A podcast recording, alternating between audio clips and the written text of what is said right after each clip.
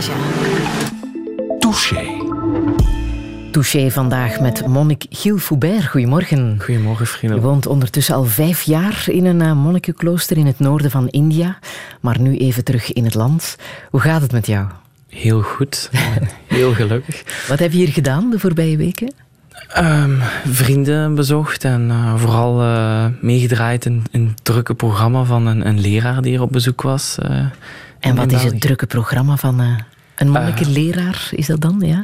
elke, elke avond lezingen, de voorbereiding van die lezingen, bezoeken. die leraar heeft ook huiszegeningen gedaan. Huiszegeningen? Ja, ja, en radiozegeningen van, van jullie concurrenten ja. bij Joe FM. Ja. Um, en wat houdt dat in? Wel, zo'n zegening is uh, die ja, verjaagt niet uh, negatieve energieën of, of, of, slechte dingen die er niet horen, maar zo'n zegening, uh, bij zo'n zegening vraagt die leraar, die doet gebeden en die nodigt uh, bepaalde goden uit, die dan water en rijst zegenen en die strooit hij dan rond in, in, in die kamer of dat huis. En dan verzoekt hij vriendelijk aan, aan die negatieve zaken om, om, om die plek te verlaten. En hoe weet je of dat gelukt is? Um, je kan dat voelen. Er zijn mensen, de ene voelt dat meer dan de andere. Um, ja, en, uh, ja, het wordt vooral gedaan bij. Je hebt mensen die dat gewoon laten doen. Of er was ook bijvoorbeeld een bakkerij waarin er heel vreemde dingen gebeurden. Uh, machines die kapot gingen, plots brand. En, en, en ja, al jaren zo heel rare tegenslag, onverklaarbare tegenslag. En dan uh, stilaan, het is niet dat het zomaar miraculeus weg is, maar de leraar gaf het voorbeeld van dat die zegening is als een druppel olie op een papier. De eerste minuut, de eerste uren is er niet veel verandering, maar na een week is heel dat papier, uh, ja, is die olie verspreid, zeg maar. Ja. Kan jij dat ook al, zo'n zegening? Nog niet, maar dat is een, een cursus die ik kan volgen. Uh, ik, uh, ja, nu, nu hou ik mij vooral bezig met mijn filosofieopleiding. Ja, ja, ja dat doe je daar in uh, Noord-India. Maar hier heb je bijvoorbeeld ook het klooster van West-Vleteren bezocht, hè? de Sint Sixtus ja, abdij. Mijn, mijn moeder heeft dat voor elkaar gekregen. Uh, we zijn daar, uh, samen met die leraar hebben wij een, een, een, kort gesprek gehad en een rondleiding. En een, uh, een gebedsdienst bijgewoond. En dat, dat, was wel inspirerend om eens met, ja, met, met, met, met katholieke monniken te praten. En, en ik kon die, die sfeer onder die monniken en hun abt en, en, en zo wel herkennen. Ja, heel serieus. En dat, dat je toch met iets heel serieus bezig bent. Maar dat ze toch nog heel erg veel humor hadden. Dat kan je ook wel kon je allemaal terug ja. zien. Ja. ja. Um, hoe zou jij jezelf omschrijven? Um, ik omschrijf mezelf als iemand die een, een pad heeft gevonden om, om gelukkig te zijn. Uh, voor mij is dat boeddhisme, die filosofie. En dat is eigenlijk iets, iets heel simpel. Dat is uiteindelijk gelukkig willen zijn. Gelukkig willen zijn uh, zonder dat je daarvoor iets nodig hebt van buitenaf. -hmm. En daarvoor, mijn pad daarvoor is, is boeddhisme. Dat vind ik het logischste. Uh, maar boeddhisme zegt zeker niet dat dat het enige pad is naar, naar geluk. Er zijn enorm veel verschillende manieren om dat te bereiken. Ja. Je hebt ook een boeddhistische naam, hè? Ja, Lobsang Nima. Ja, ja. Lobsang Nima. Ja, dat is de naam die je krijgt uh, als je in het klooster, als je in een klooster toetreedt, dan krijg je een nieuwe naam. Dan ben je je oude naam eigenlijk kwijt. Nu, Monnik Giel, dat is zo uh, blijven hangen. Monnik, Lops, Monnik Lobsang Nima heb ik nog niet echt gehoord. is iets maar, moeilijker ook om te onthouden. Ja, maar uiteindelijk, ja, dat, hoe mensen mij aanspreken, uh, dat maakt mij niet uit. En wat betekent dat, Lobsang Nima? Um, lo, lo, betekent mind, onze, onze geest. Zang is uh, warmhart, warmhartig, dus warmhartige geest. Nima is gewoon zon. Uh, in de Tibetaans heb je niet zoveel namen. Namen werden vroeger gegeven door, uh, aan, aan, aan, aan, aan, kin, aan kinderen door monniken. En er is mij verteld geweest dat die monniken redelijk lui waren. Vandaar dat je eigenlijk in, in, Tibetaanse, in Tibetaanse taal er niet zoveel uh, verschillende namen zijn. Vooral veel verschillende combinaties, maar je hoort heel vaak dezelfde eh, namen. Als, als je bijvoorbeeld zegt, ja, ik heb lopzang vandaag gezien. Ja, in ons klooster zijn er wel... eh, ik denk al gauw vij- 15 monniken met, eh, waar, die Ja. wel ergens lopzang in hun naam dragen. En, en waar heb jij dan die naam aan te danken? Heeft dat met jouw karakter te maken? Met hoe je eruit ziet? Met Eh, hoe je in het leven staat? Die wordt bepaald door, door, je, door je leraar. eh. Ja. Ik, ik heb voor het eerst toevlucht genomen. Ehm, als ik eh, toch ergens... Als ik, eh, ja, ik, mijn moeder gaat eh, misschien zeggen straks dat het niet juist is. Op dat vlak ben ik al als een Tibetaan. Op, op het vlak van tijd en datums onthouden. Maar ik denk dat ik ongeveer acht jaar moet geweest zijn. Toen ik ehm, toevlucht nam in het boeddhisme. Nu, dat betekent dat je, dat je aanvaardt wat de basisprincipes aanvaardt van het boeddhisme. Onderlinge afhankelijkheid, ehm, Ja. Reïncarnatie, liefdevolle vriendelijkheid, respect enzovoort. Ehm, en toen heb ik een naam gekregen van mijn leraar Tulku Lopsang. Die heeft mij dan ook later uiteindelijk toestemming gegeven om eh, naar het klooster te gaan in Shimla. Maar dan in het klooster in Shimla heb ik, toen ik, toen ik echt tot monnik werd, toen ik die geloftes aanvaarde, om, eh, en, ik daartoe trad, kreeg ik nog een, nog een langere naam. Ehm, maar die wordt bepaald door, de, door die leraar zelf. Eh, de, vorm, de een voormalige abt in ons klooster. Maar op hoe, ik denk niet dat hij naar mijn uiterlijk kijkt of naar mijn karakter als hij die naam Dat heeft geeft. geen belang. Als ze zeggen over jou dat je hoogbegaafd bent, herken je dat? Klopt dat, denk je? Ehm, er, wordt, er wordt veel gezegd. Mensen zeggen ook soms dat ik een reïncarnatie zou zijn.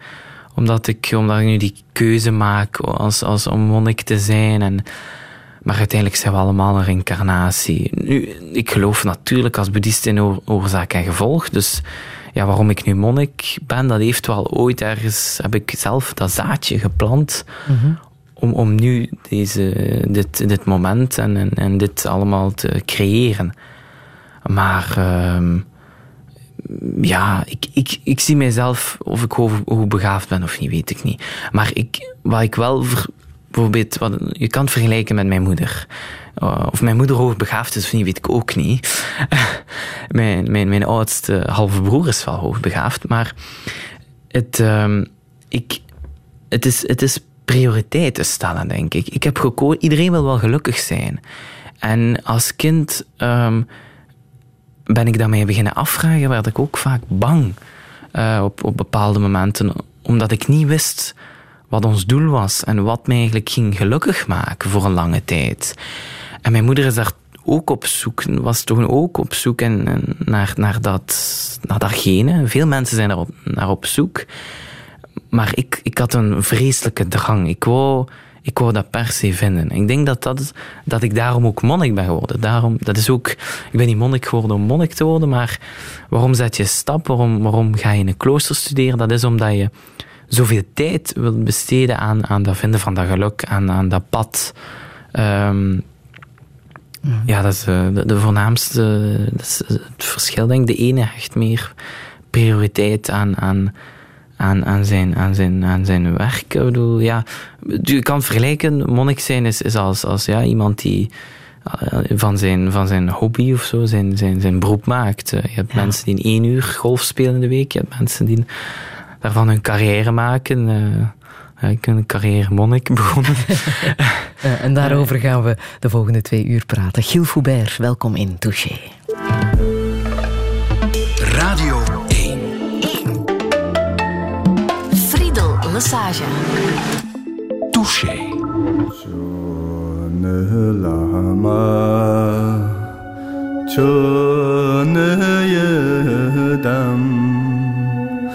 cho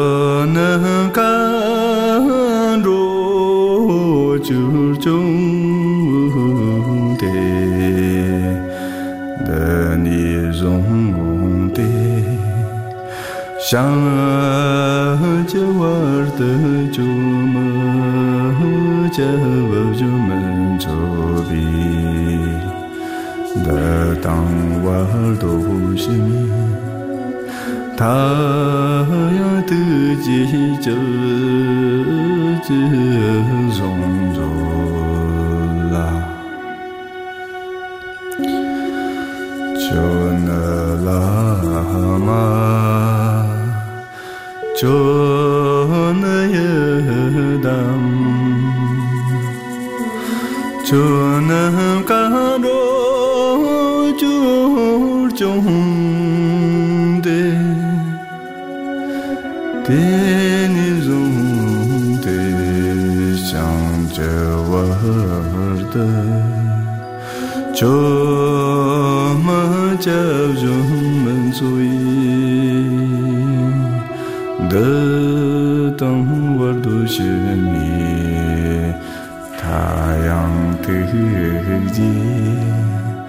Chớ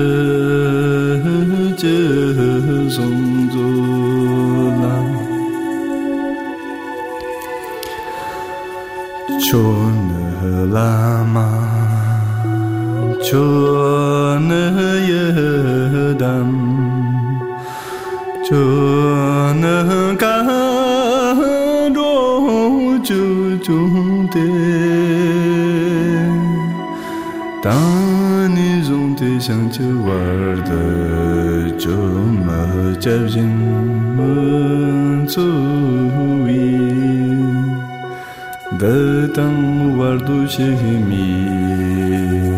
太阳升起，照照红土啦，卓那喇嘛，卓。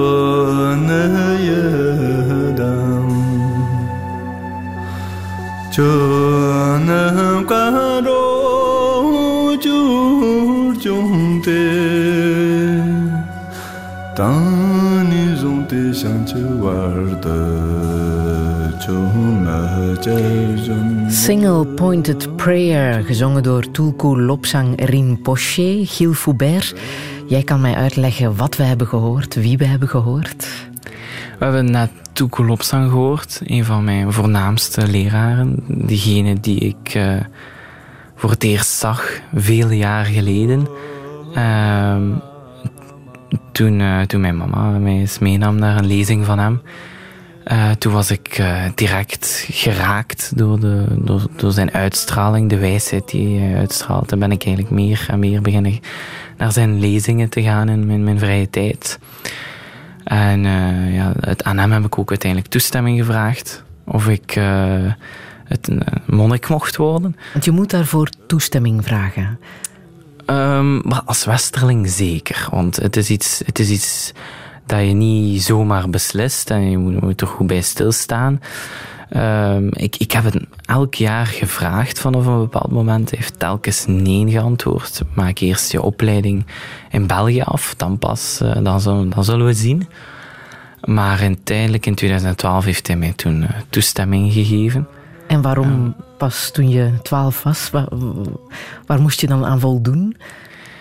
Waarschijnlijk aan een, aan een zekere. eh, ja. eh, Nu, ik, ik, hij wou vooral kijken. Een van de laatste vragen. eh, hij zei: wat, wat, wat ga je doen als ik, eh, als ik nee zeg? Toen, toen herinner ik me nog dat er een hele, voor mij toch heel lange stilte was. En dat ik uiteindelijk zei dat ik, dat ik het niet zou weten. Dus hij, ik denk dat hij al die tijd wou testen en, en wou, wachten tot een moment was dat ik het echt wou. En dat ik, ik zonder twijfel eh, dat dat mijn enige doel zou zijn. Ja. Ja. En wie is hij precies? Waar, waar komt hij vandaan? Tukulopsang is een, is een Tibetaanse eh, leraar, een, een, een reïncarnatie. Zo. Eh, Tulkus is het woord. betekent dat hij, dat hij een, een leraar is, maar niet, die, die herkend wordt. Dus in zijn vorig leven was hij ook al een leraar. Doordat hij zulke hoge realisaties heeft, ehm, wordt, geeft hij voor zijn dood ehm, aanduidingen en aanwijzingen waar die zal herboren worden. Gaan die gaan zoeken. Eh, een beetje zoals de Dalai Lama. En eh, die is naar het westen gekomen om, om, om, om les te geven.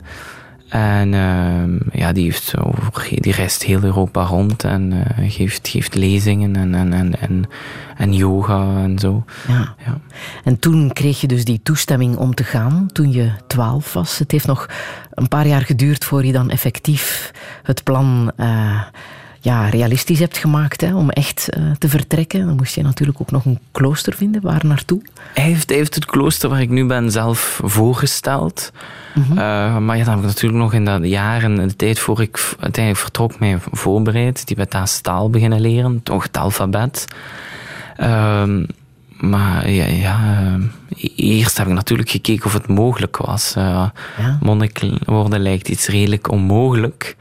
En eerst was het natuurlijk een droom. Eh, maar ik natu- natuurlijk eerst grondig onderzocht of, of het wel mogelijk was om die droom te ver, in, in verwerk, eh, te, werkelijkheid te laten worden. En, dat, eh, en eens ik dat zeker was dat dat kon, dan ben ik ervoor gegaan. Ja, maar dat was natuurlijk buiten de reactie van, eh, van de maatschappij eh, gerekend. Hè. Je, zou, je stond echt klaar om te vertrekken, maar je bent tegengehouden. Ja, ehm, nu, waarschijnlijk had, ik, had het niet in de media gekomen, dan was ik waarschijnlijk toen gewoon vertrokken. Je bent gevolgd geweest voor een telefax-reportage. hè, Ja, ja.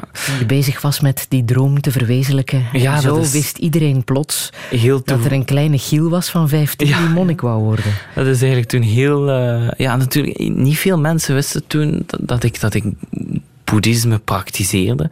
Ehm, nu, het is niet iets dat je geheim houdt. Het is niet iets dat je, waar je mee pronkt, aan de andere kant. Maar nu nog vinden heel, heel veel vrienden... Toen zelfs was er niemand van mijn vrienden die zei van... Hè, wat, wat, wat ga je nu doen? Doe eens normaal. Niemand heeft zo gereageerd. En, ehm, maar ja, eh, het, het naar buiten brengen en in de media is natuurlijk iets anders. Maar uiteindelijk is dat toch ja, door mijn, mijn beste vriend eh, Arvid, die, die heeft eh, dat eh, toen ja, aan verteld aan zijn vader en zo. Die werkt voor een lokaal krantje en daar, die kende iemand bij Telefax en zo is de bal eigenlijk aan het rollen gegaan. Maar ik zeg niet dat het de schuld is van de media, dat ik uiteindelijk later ben vertrokken en dat al die heisa er was. Nu, alles, alles gebeurt voor een reden. Ehm, het is niet dat ik bekend wil worden, maar uiteindelijk zijn er alleen maar positieve aspecten aan overgebleven. En, en, en heeft het. En ja, ik heb niet gedaan om bekend te worden, maar nu heeft iedereen wel een, een, een, een, heb ik een beeld ongeveer voor zo. Ja, ik ken er natuurlijk, ik heb natuurlijk, ik studeer natuurlijk nog maar vijf jaar. Maar ik, ik doe mijn best om er een, om er een, beeld bij te kunnen Ja. geven. Dat is altijd mijn Dus er was- motivatie geweest. Ja. Er was terechte bezorgdheid en eh, de rechter wou, eh, wou dat toch onderzoeken. Hè. Dit klonk toen in het nieuws. Er zijn nog heel wat vragen, vindt het Hof van Beroep, over de schoolsituatie van een jongen die boeddhistische monnik wil worden. Die krijgt al enkele jaren thuis les van zijn moeder. Hij heeft enkel een getuigschrift basisonderwijs en het Hof vreest dat hij een schoolachterstand heeft opgelopen. Ten eerste, de minderjarige mag niet naar Indië. Er is een algemeen uitreisverbod naar België, dat is de tweede zaak. En een derde zaak is dat hij in observatie gesteld wordt. Ook het sociaal onderzoek naar hoe de jongen functioneert wordt voortgezet. Touché. Ja, je bent in observatie gesteld. Hoe ging dat? Wat, hebben ze toen gedaan? Er werden toen wel vragen aan mij gesteld. Eh, Ze hebben gekeken of ik normaal was, of mijn moeder normaal was. Nu, die mensen hebben ook wel redelijk vlug ingezien dat ze... Ja, zij kregen natuurlijk orders van, van bovenaf. Dus zij konden niet zeggen van, ja, oké. Zij moesten doen wat hen gezegd werd. Ehm, maar ja, dat was eigenlijk eh, allemaal redelijk, eh, redelijk nutteloos. Maar ja, het, het moest gebeuren. En, en het was een proces van... Dat moest gebeuren voordat ik kon uiteindelijk zou kunnen vertrekken. Ja, je hebt je ook moeten verdedigen, dacht ik, hè, voor de rechtbank. Ja, ja. Ik heb, eh, de rechtbank, ja, terecht moeten zij bezorgd zijn. Maar ja, de, de grens tussen bezorgdheid en overbezorgdheid is, is heel dun. Wat heb je toen Ehm, verteld? Hoe heb je je verdedigd? Ik was eigenlijk al, ben al, ik was als kind een heel bedeesd mannetje, oh jongetje. en ehm, ik, ik, ehm, ik heb toen tijdens een zitting in een heel, eh, ehm, hoe- zeg je dat, intimiderende setting. heb ik, heb ik, was er ook een moment dat ik iets kon vertellen of eh, iets, iets zeggen.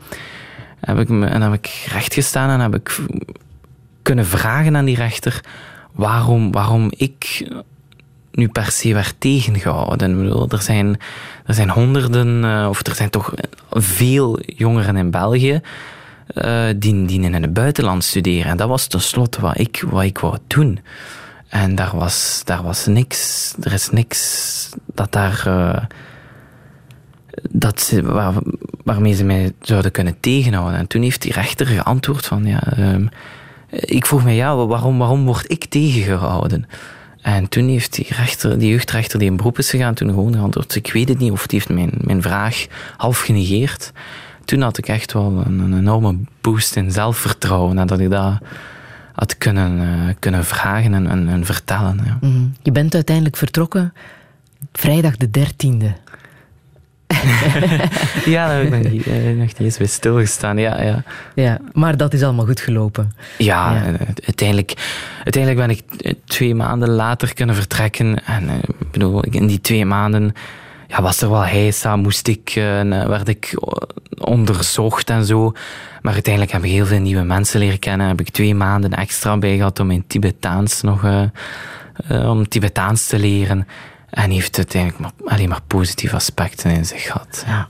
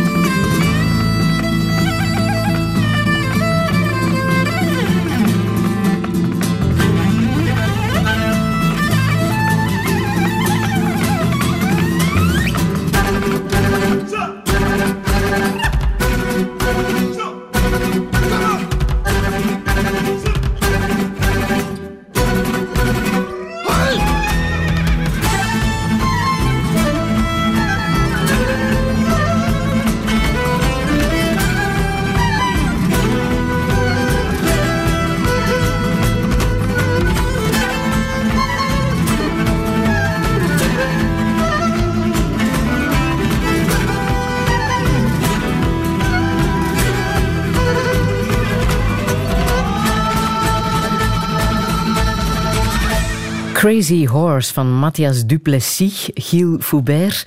Wat een opzwepend nummer is dit. Ja. Waaraan doet het jou denken? Wel, het doet mij denken aan, aan de, de keukendiensten die ik elke maand heb. Uh, dat is al elk jaar uh, elke, elke dag koken in het, in het klooster twee monniken voor, voor heel het klooster, voor 80 monniken. Elk jaar wisselt onze keukendienstpartner. En uh, ik heb al twee jaar, zeker twee, drie jaar, een, uh, een, een, een monnik uh, uit, uit, Mongolië gehad als partner tijdens de keukendienst. Er zijn ook goede, ik heb er ook een paar goede vrienden bij. En dan word je ja, blootgesteld aan allerlei Indische muziek en ook Mongoolse muziek.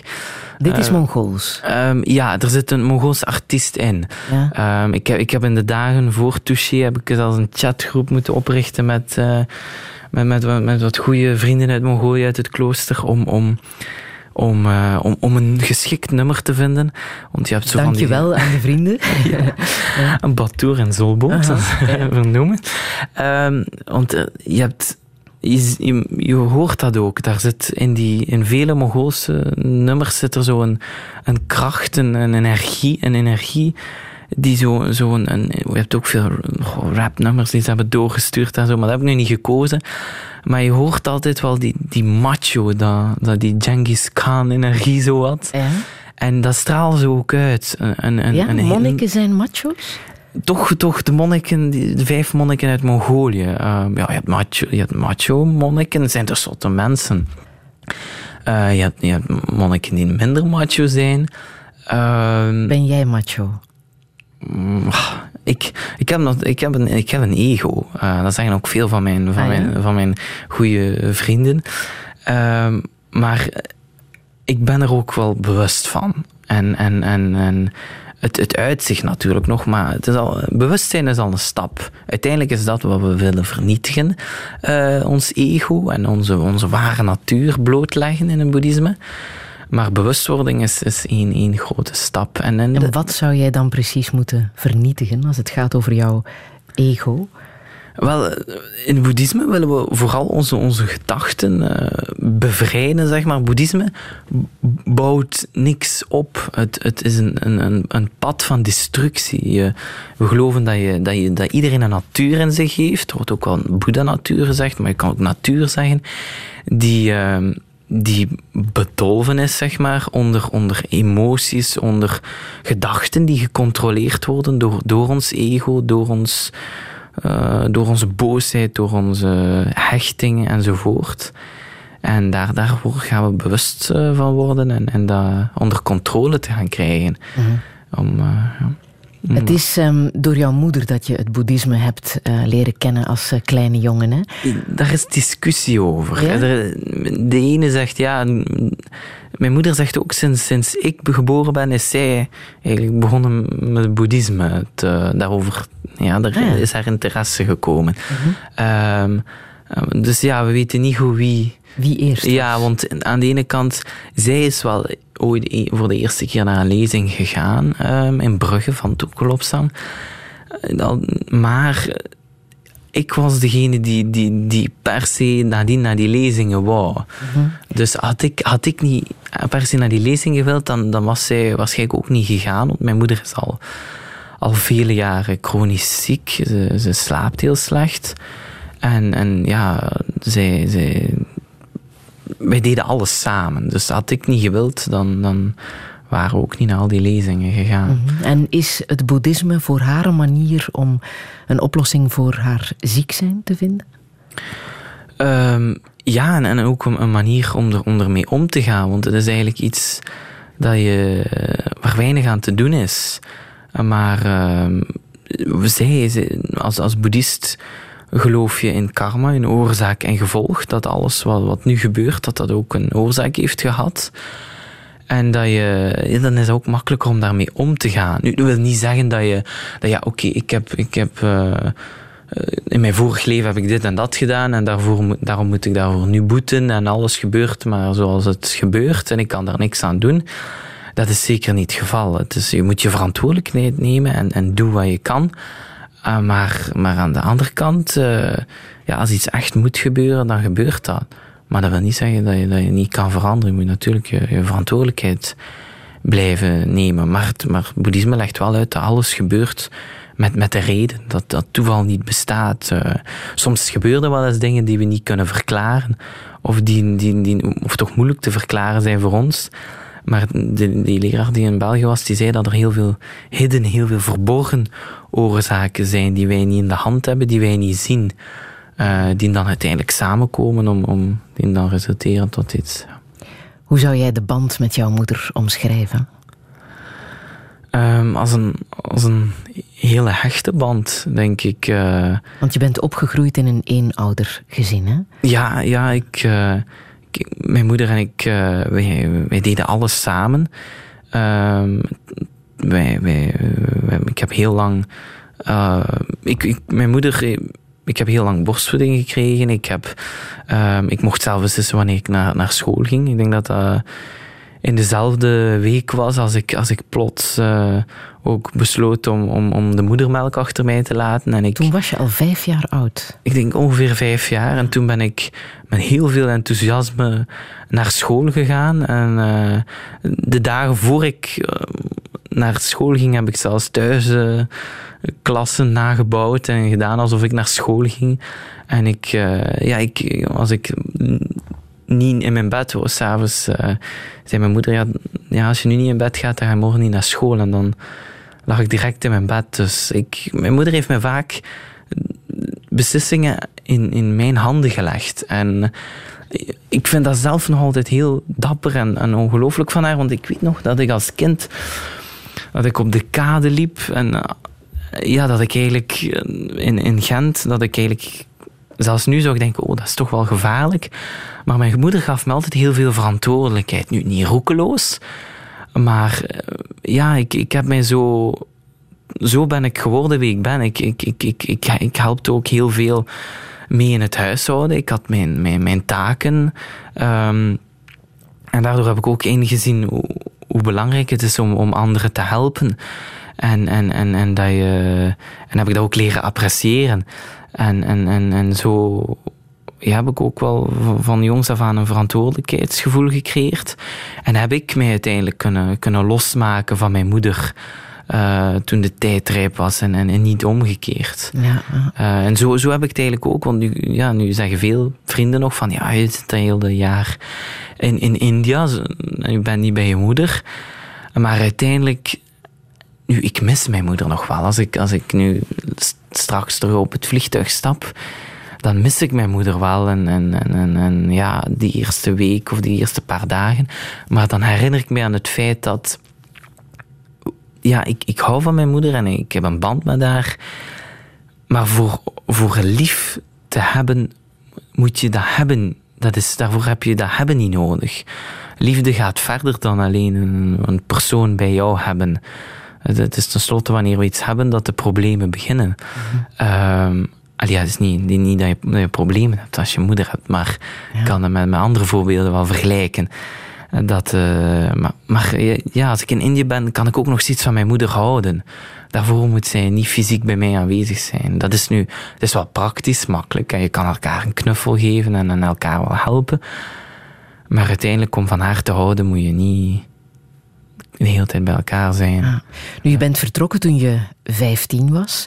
Hier heb je dus je school niet afgemaakt, alleen maar je lagere school. En dat is dan nog met thuisonderwijs uh, gebeurd, hè, ja, voor een deel. Halfweg de, het vijfde leerjaar, lager, lagere school, heb ik... Uh, met mijn moeder en ik beslist om, om thuisonderwijs te doen. Dan heb Waarom? ik... Um, ik er, wij, wij, wij reisden vaak uh, naar, naar, naar, om voor, voor om lezingen bij te wonen. En uh, ja, uiteindelijk, uh, ik deed dat altijd in, in, in schoolvakanties.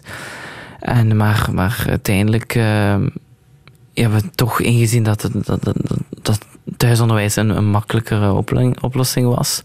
En ik heb toen, ik heb toen ook op uh, halfwege vijfde klas ben ik gestopt met school.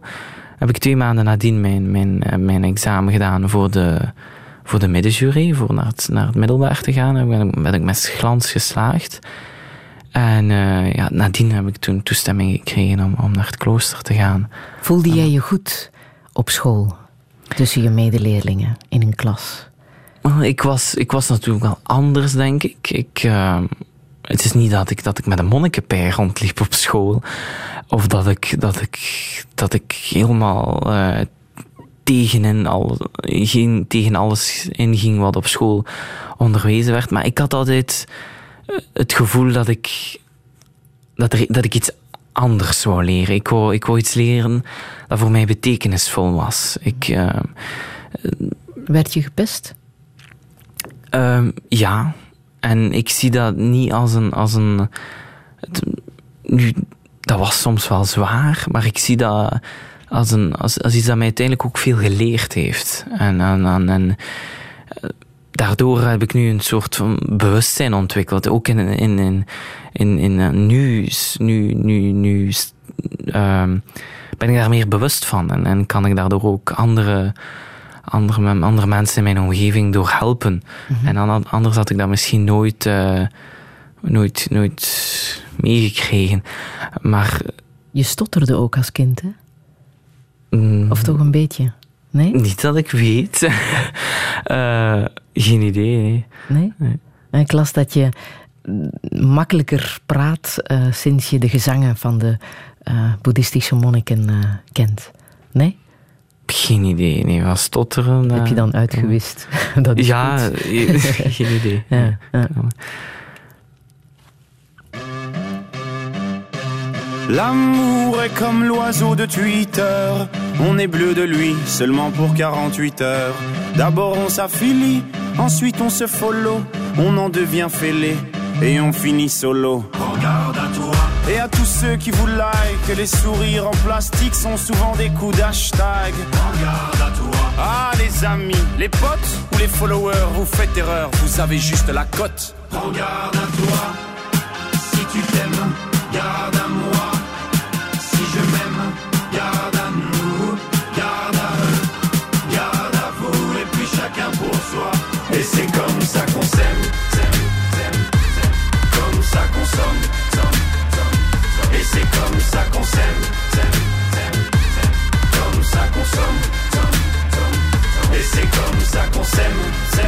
s'aime, s'aime, comme ça qu'on somme, somme, somme, somme. Et c'est comme ça qu'on s'aime, s'aime, s'aime, s'aime, comme ça qu'on somme, somme, somme, somme. L'amour est enfant de la consommation. Il faudra toujours, toujours, toujours plus de choix. Voulez, voulez-vous des sentiments tombés du camion? L'offre et la demande pour unique et seule loi. Regarde à toi. Mais j'en connais déjà les dangers. Moi j'ai gardé mon ticket. S'il le faut, je vais les changer, moi. Regarde à toi. Et s'il le faut, j'irai me venger, moi. Cet oiseau de malheur, je le mets en cage, je le fais chanter, moi. Regarde à toi.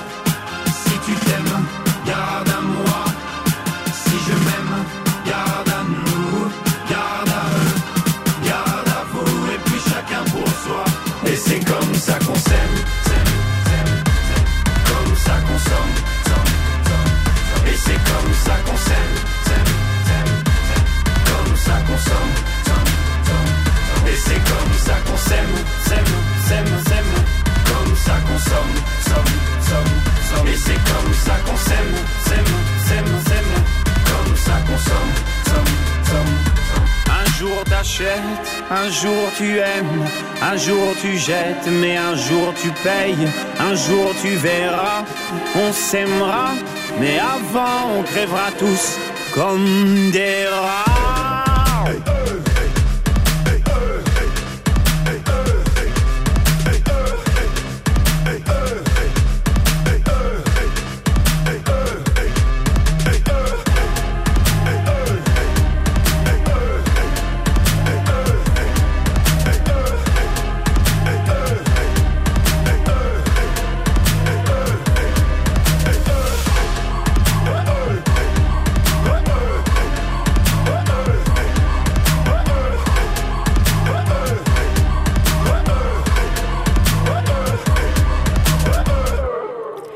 Carmen van uh, Stromae. Gilles Foubert, waarom wou je dit laten horen?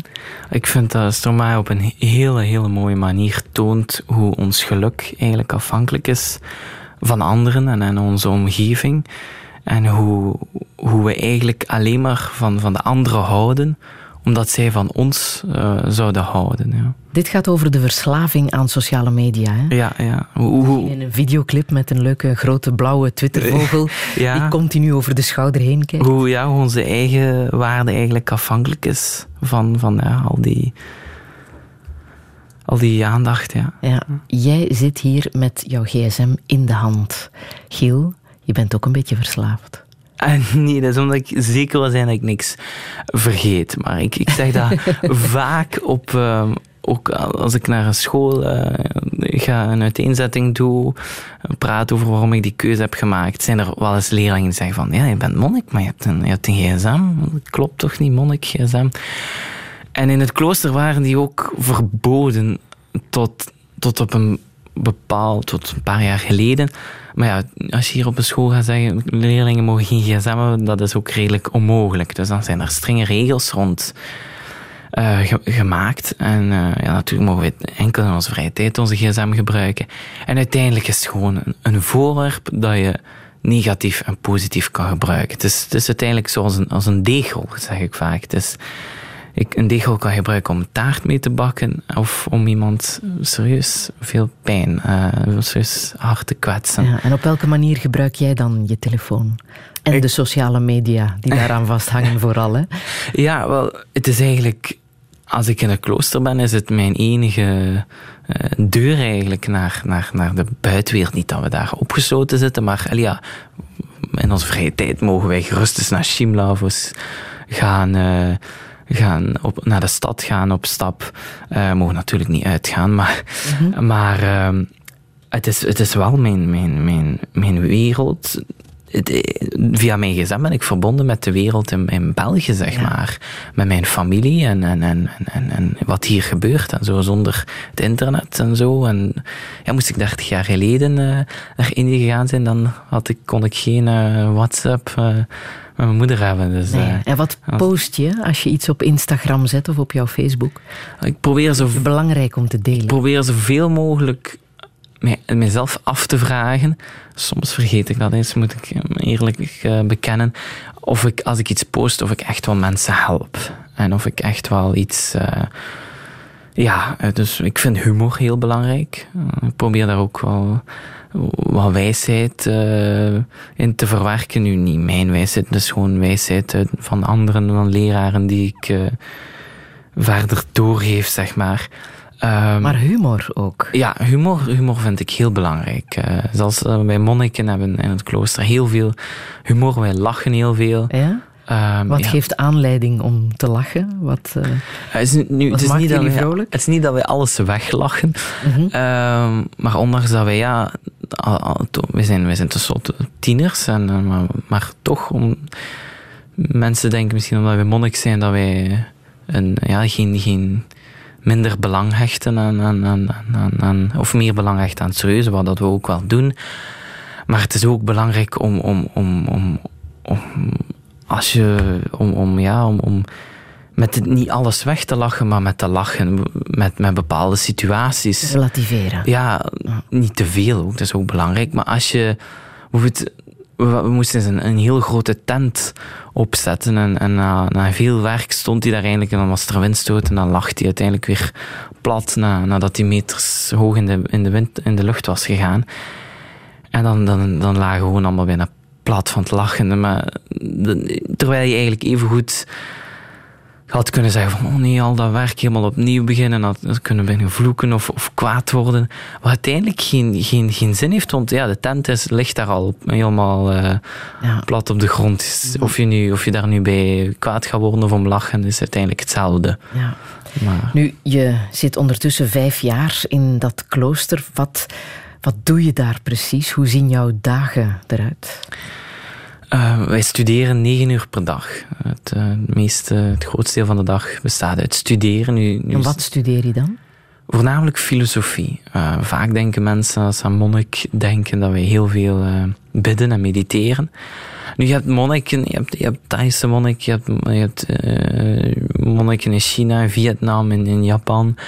Je hebt veel verschillende soorten boeddhisme. En, en ook in het Tibetaanse boeddhisme heb je verschillende scholen, verschillende wegen, zeg maar. Ze hebben allemaal wel hetzelfde doel, maar een, een andere weg, een ander pad.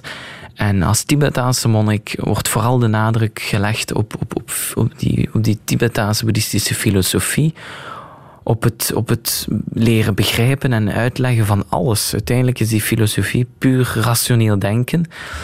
Um, en en, en kan, je daar, kan je daar geen spel tussen steken. Uh, en dat is wat wij vooral de eerste 15 jaar, ja, de ene doet daar langer over dan, dan de ander, doen. En, en we hebben twee, twee maal per jaar zware examens. En pas nadien, na al die, na al die um, filosofie en logica, dan gaan wij uh, mediteren en, en contempleren en, en, die wijsheid eigenlijk, al die kennis gaan, gaan verwerken. Ja, maar wiskunde bijvoorbeeld, krijg je dat ook? Ja, uh, zeker tot op uh, een aantal jaren. Uh, het, het, hoofdvak is filosofie, maar daarnaast krijgen we ook nog Engels, mm -hmm. Engelse les, wiskunde um, en, en Hindi en, en Tibetaanse taal.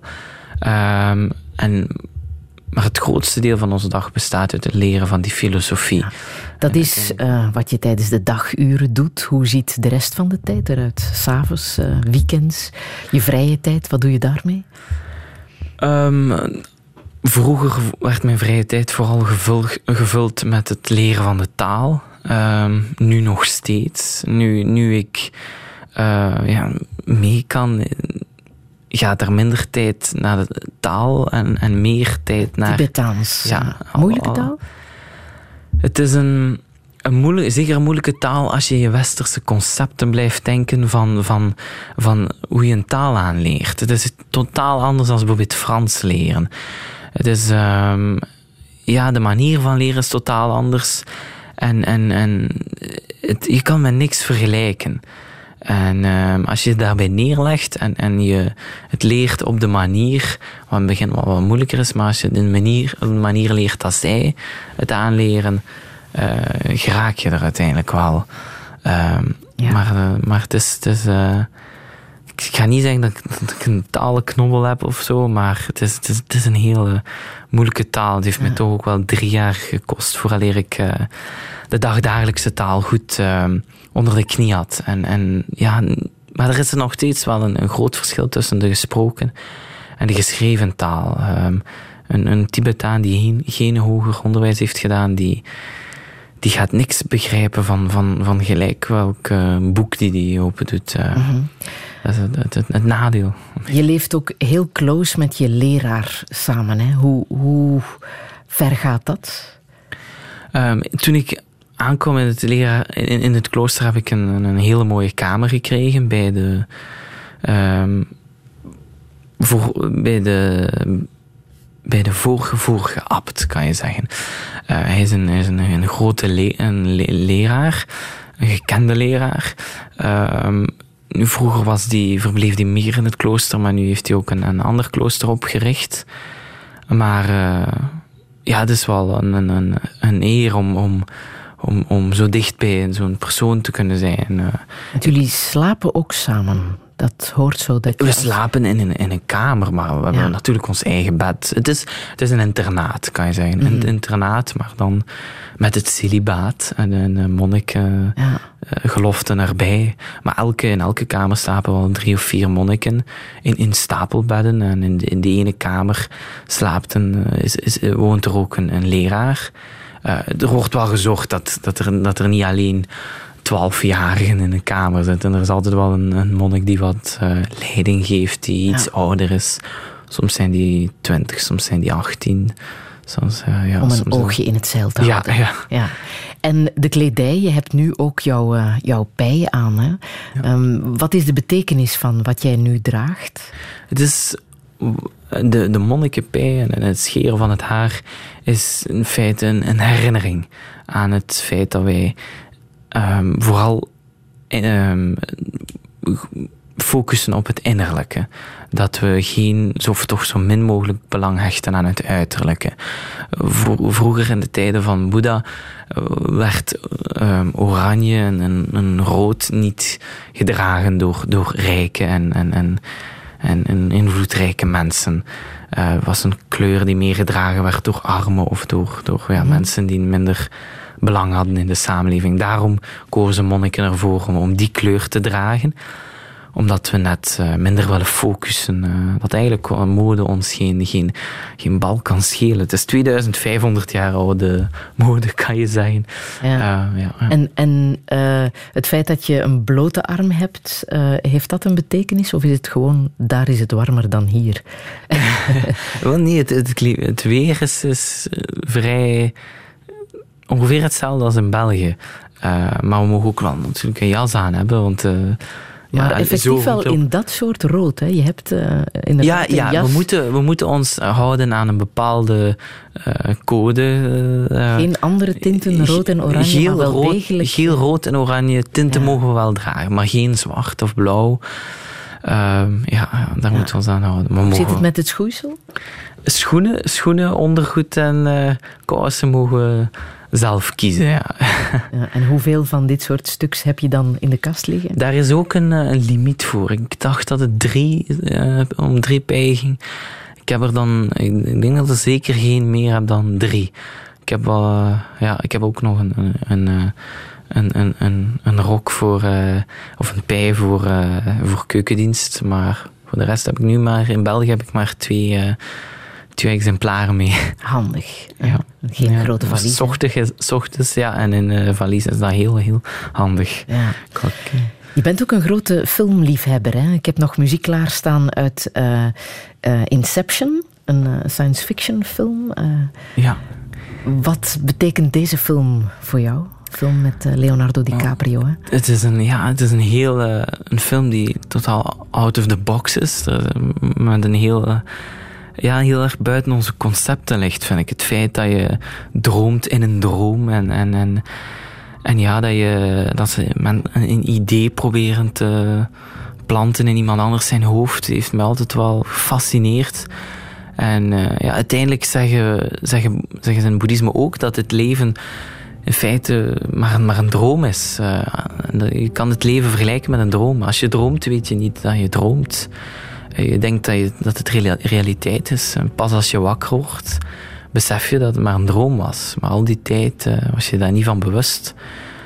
Uh, ja, dat vind, ik, dat vind ik een heel mooi aspect aan die film. Science fiction films, die interesseren jou sowieso wel uh. Ja, ja, maar monniken ook in het klooster kijken heel graag naar science fiction films. Maar ik vind het belangrijk dat het niet alleen actie is en zo, dat, maar dat er ook wel een, een diepere betekenis is. Bijvoorbeeld Interstellar heeft ook getoond ook wel een heel mooi, uh, die band die, die die hoofdrol heeft met, met zijn dochter. Ja. En dat dan ook nog eens dat concept tijd, zo, ja, dat dat zo, dat ook uiteindelijk maar, uh, ja, een, uh, hoe zeg je dat, een, ja, dat hij uiteindelijk, dat zijn dochter ouder wordt. Ja dan hem. En dat, uh, ja, dat, hoe, dat, hoe daarmee gespeeld wordt, vind ik heel fascinerend. Ja, maar je kan daar dus films kijken. Heb jij Netflix? Ja, op zondag zijn er... In Shimla. Uh, op zondag zijn er veel monniken die een Netflix-abonnement uh, delen.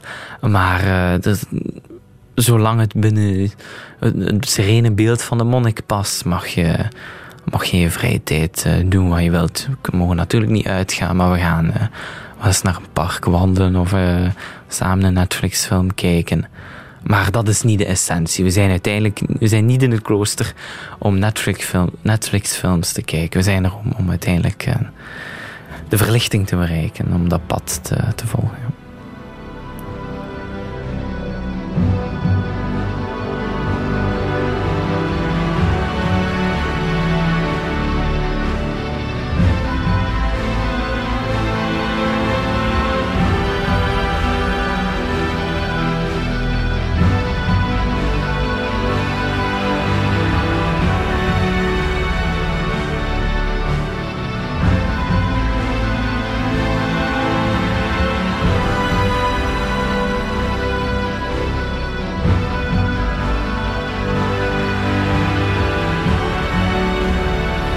Muziek uit Inception, de film van 2010 eh, van eh, Christopher Nolan met Leonardo DiCaprio. We praten zo meteen verder. Radio 1. 1. Friedel Lassage. Touché. Touché vandaag met monnik Gilles Foubert. Vijf jaar geleden zorgde hij voor controverse toen hij, 15 jaar oud, in zijn eentje naar India wou reizen om daar het klooster in te gaan. De rechter oordeelde dat hij eerst een maand in observatie moest. Het moment dat hij toch het vliegtuig op mocht, was voor Giel een overwinning. Eindelijk werd zijn grote droom waar. Al sinds zijn zesde wist hij dat hij in een vorig leven boeddhistische lama of leermeester moet zijn geweest. Hoewel totale onthechting een belangrijke regel is binnen het boeddhisme, kan hij niet zonder zijn telefoon. Via sociale media houdt hij contact met de buitenwereld. Maar hoe moet het verder? Wat als hij afgestudeerd zal zijn? Dit is Touché met Monique ik Gilles Foubert. Een zeer goede middag.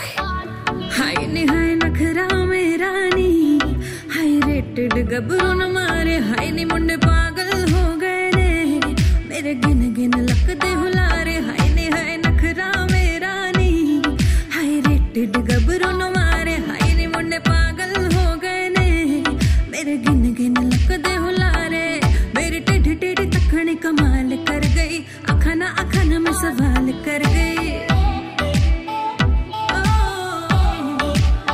हाँ मेरी टेढ़ी टेढ़ी तखने कमाल कर गई अखाना अखाना में सवाल कर गई अखाना अखाना में सवाल कर दे किन्ने मर देने ते किन्ने पहला मैं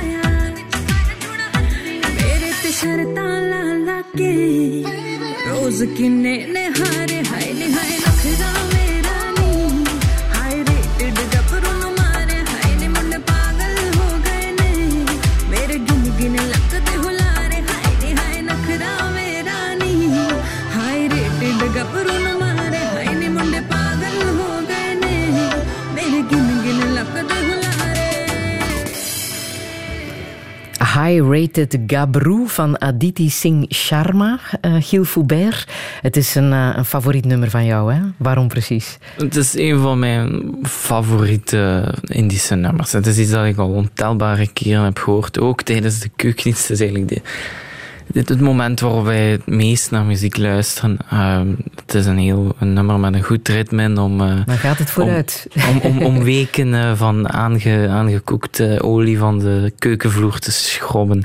Want hoe staat het ondertussen met die keuken? Ik zag een soort ruïne in het uh, klooster. Ja, zijn die, ze aan het renoveren? ondertussen gerenoveerd en ja, ja, ziet er totaal anders uit nu. En, is het goed uitgedraaid? Ja, ja het ziet er prachtig uit. Ja. Wie betaalt dat, zo'n renovatie in het klooster? Wel, de meeste inkomsten van het klooster komen door um, gebedsdiensten. Uh, elke ochtend bidden wij drie kwartier, uh, een uur ongeveer, voor gelijk wie. Meestal vaak Tibetanen, maar ook soms mensen uit België die... Uh, ja, willen dat er gebeden wordt voor iemand die overleden is, of iemand die ziek is, of iemand die examens heeft. Dat kan van alles zijn. Als maar met een goed doel is, dan bidden wij. Dan geven die mensen een donatie. Zoveel als zij willen. Dat kan 1 euro zijn, dat kan 10.000 euro zijn. Maar er zijn ook sponsors, vaste sponsors die het klooster heeft. Uh, uit, uit, uit Tibet en uit het Westen. En, en, of monniken die naar Amerika reizen en daar zaken doen. En, of monniken die lesgeven. Uh, ja, ja. Want in principe heb jij ook geen geld. Hè? Als je al geld hebt, is dat omdat mensen jou dat hebben gegeven? Uh, ja, we, onze, wij als monniken krijgen, krijgen zakgeld, kan je zeggen. Wij krijgen een, een deel van die, uh, van het, die donaties die gegeven worden voor gebedsdiensten. We gaan ook soms op zondag bidden bij families thuis. Um, maar dan later, eens je afstudeert, kan je, kan je, ja, kan je lesgeven en, en, of, of kan je vertalen of kan je ja, uiteindelijk gelijk wat doen, zolang het maar binnen monnik zijn past. Uh, er zijn zelfs monniken in België die, die, die, die eigenlijk nog steeds monnik zijn, maar die, die Tibetanen die gevlucht zijn, maar die nog steeds monnik zijn en die, die, die werken, die poetsen of, of, of ja, in een bejaardenhuis ondertussen een job hebben, of, maar die nog steeds monnik zijn. Ja. Uh, Moet daarom niet per se een klooster zijn. Ja. Laten we eens kijken naar wat in het nieuws heeft gezeten hè, vandaag en eh, de voorbije week. Zo net in het nieuws, de Te Gek-campagne die is gestart. Heeft alles te maken met eh, de zoveel jongeren die zich niet goed in hun vel voelen. En dat er best wel een mogelijkheid is om daarover te praten, om dingen te doen, om daar van dat slechte gevoel af te raken. Ja, jij zei zo net bij het begin van eh, deze touché, mijn doel is gelukkig te zijn. Dat is ook waar jij naar op zoek bent, hè? naar dat pad om gelukkig te worden. Ja, ik, ik denk dat vooral in deze tijden um, dat er iets, iets heel erg aan het veranderen is, ook bij jongeren. Um, vroeger ja, waren mensen continu bezig en, en, was het leven eigenlijk veel moeilijker. Moest je veel harder werken. En ik zeg nu ik zie dat we niet meer werken of dat de jeugd lui is geworden. Maar we hebben wel veel meer tijd um, om, om, om stil te staan bij het leven en, en, en hoe we ons binnenin voelen. Uh, en, en hoe we ons nu eigenlijk voelen met, uh, met al dat materiële dat we eigenlijk nu wel veel meer rond ons hebben. We bezitten meer. Maar dan gaan we ook ons automatisch afvragen wat, ons gelukkig maakt. En, en ik denk dat dat wel toch wel veel jongeren en mensen daar bewust van eh, worden en, en, en, op zoek gaan naar iets wat, wat een ja, gelukkig maakt. Uh, Terwijl daar vroeger eigenlijk veel minder tijd voor was. Mhm. er werd gezegd dat sporten, wandelen bijvoorbeeld, al heel erg goed kan zijn. Ben jij uh, sportief? Um, wel, je moet het serene beeld van monnik behouden. Dus echt veel sporten doen we niet in het klooster. Wij stretchen wel. Um, maar ja, ik, we gaan Yoga wel... bedoel je dan? Als je zegt stretchen? Wel, nee. De stretchen dat wij s ochtends doen, elke ochtend. Um, voor alles begint eigenlijk, gaat er een, een gong. En gaat er nog eens een monnik twee keer, doet hij een hele tour in het klooster om op de deur te kloppen. Alle deuren van alle kamers. Om er zeker van te zijn dat alle monniken wakker zijn. En dan verzamelen we eigenlijk allemaal met een klein ja, yoga-kussen, kan je wel zeggen, op de koer. En dan toont, uh, heeft een bepaalde klas, uh, worden, die klas wordt aangesteld om, om, om elke ochtend de stretchoefeningen voor te doen. Dat is elke ochtend een verschillende, verschillend iemand. Soms de ene, dat is eigenlijk een vast programma van doodnormale stretchoefeningen die wij ook doen niks speciaal.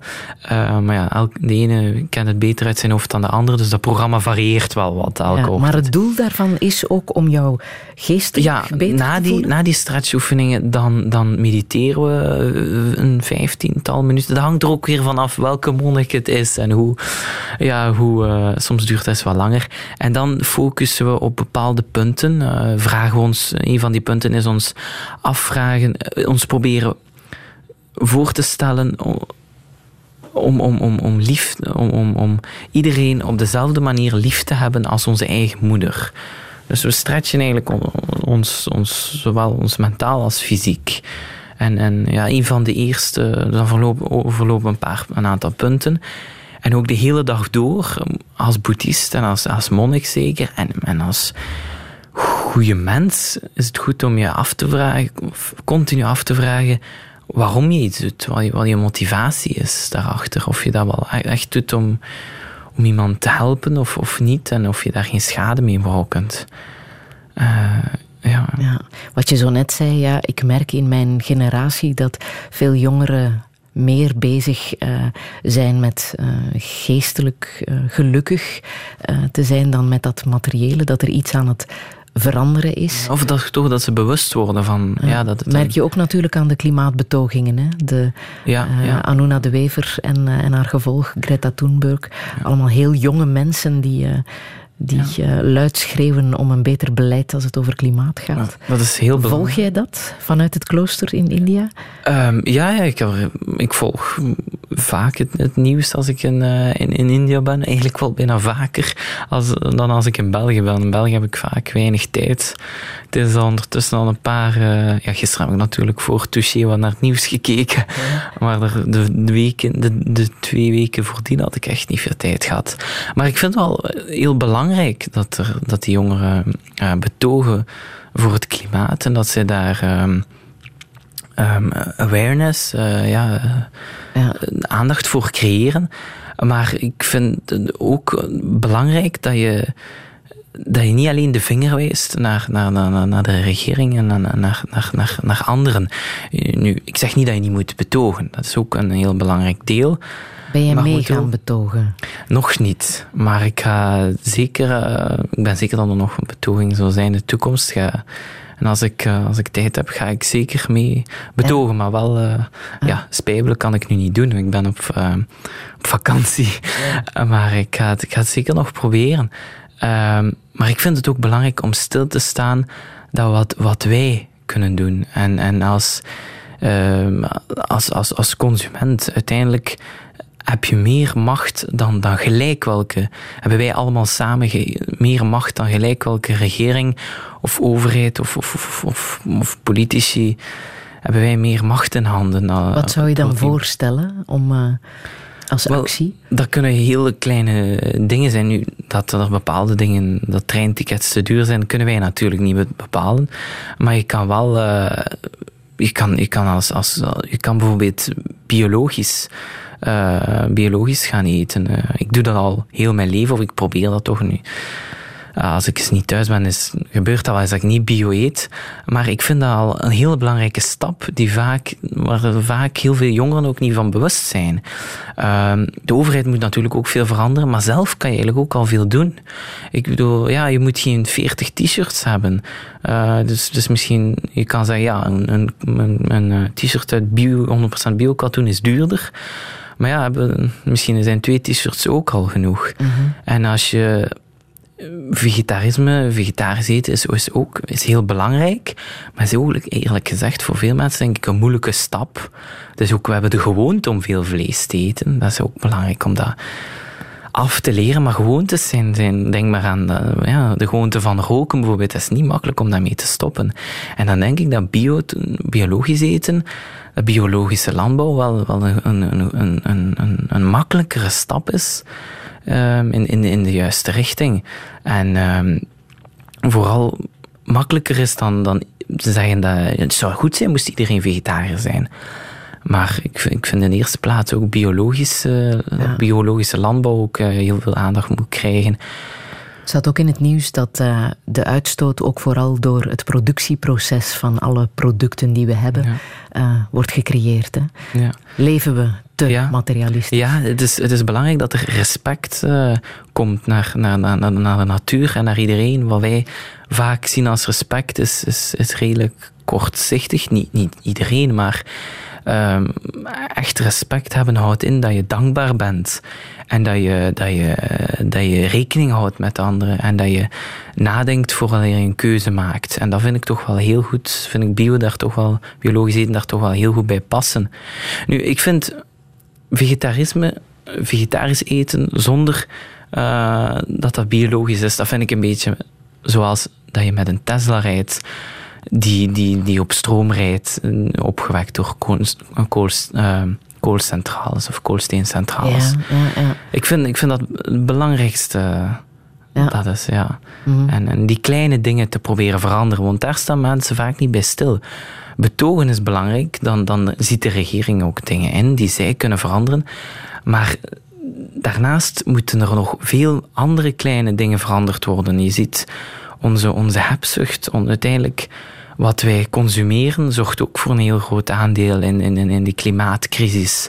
Al dat afval en zo. Ik bedoel, als wij zelf veranderen, als wij in die winkel staan, vind ik het eigenlijk, ik vind het bijna triestig dat het, dat het zo'n makkelijke keuze is, maar dat toch niet gebeurt.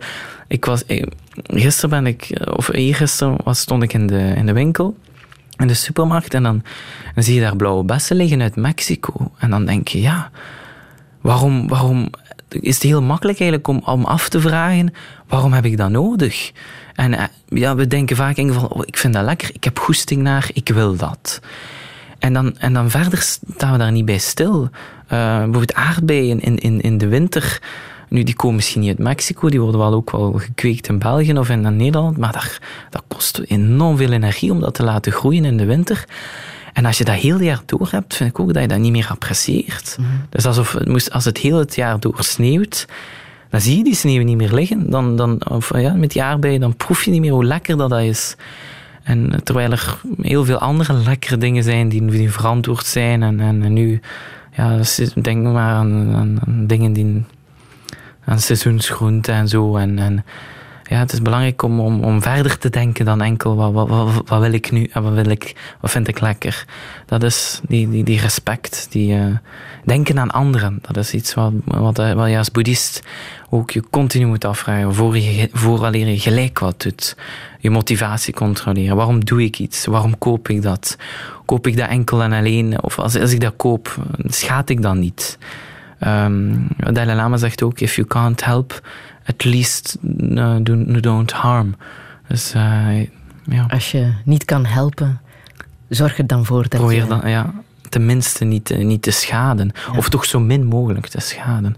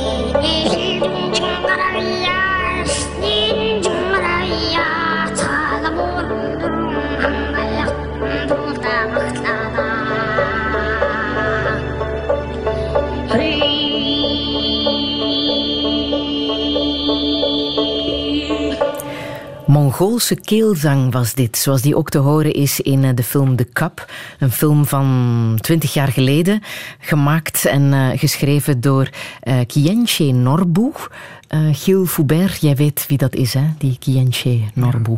Dat is een heel gekende leraar, die, die, die vooral ook heel goed weet hoe hij boeddhisme moet onderwijzen en brengen aan, aan, aan westerlingen. Hij kan op een heel klare manier brengen. Hij weet heel goed hoe wij denken.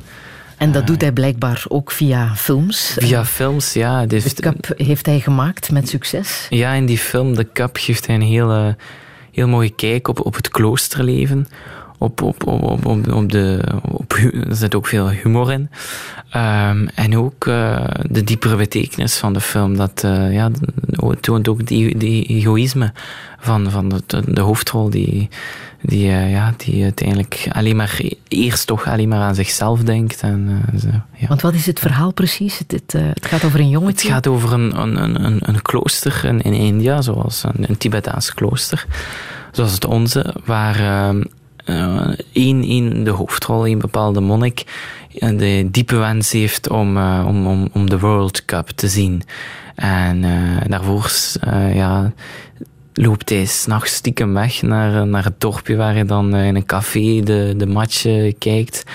Maar om de Wereldcup te zien probeert hij dan een, een, een schotelantenne en een tv te huren. Uh, maar om die binnen te krijgen in het klooster, om toestemming te krijgen van de abt, ja, uiteindelijk lukt hem dat wel.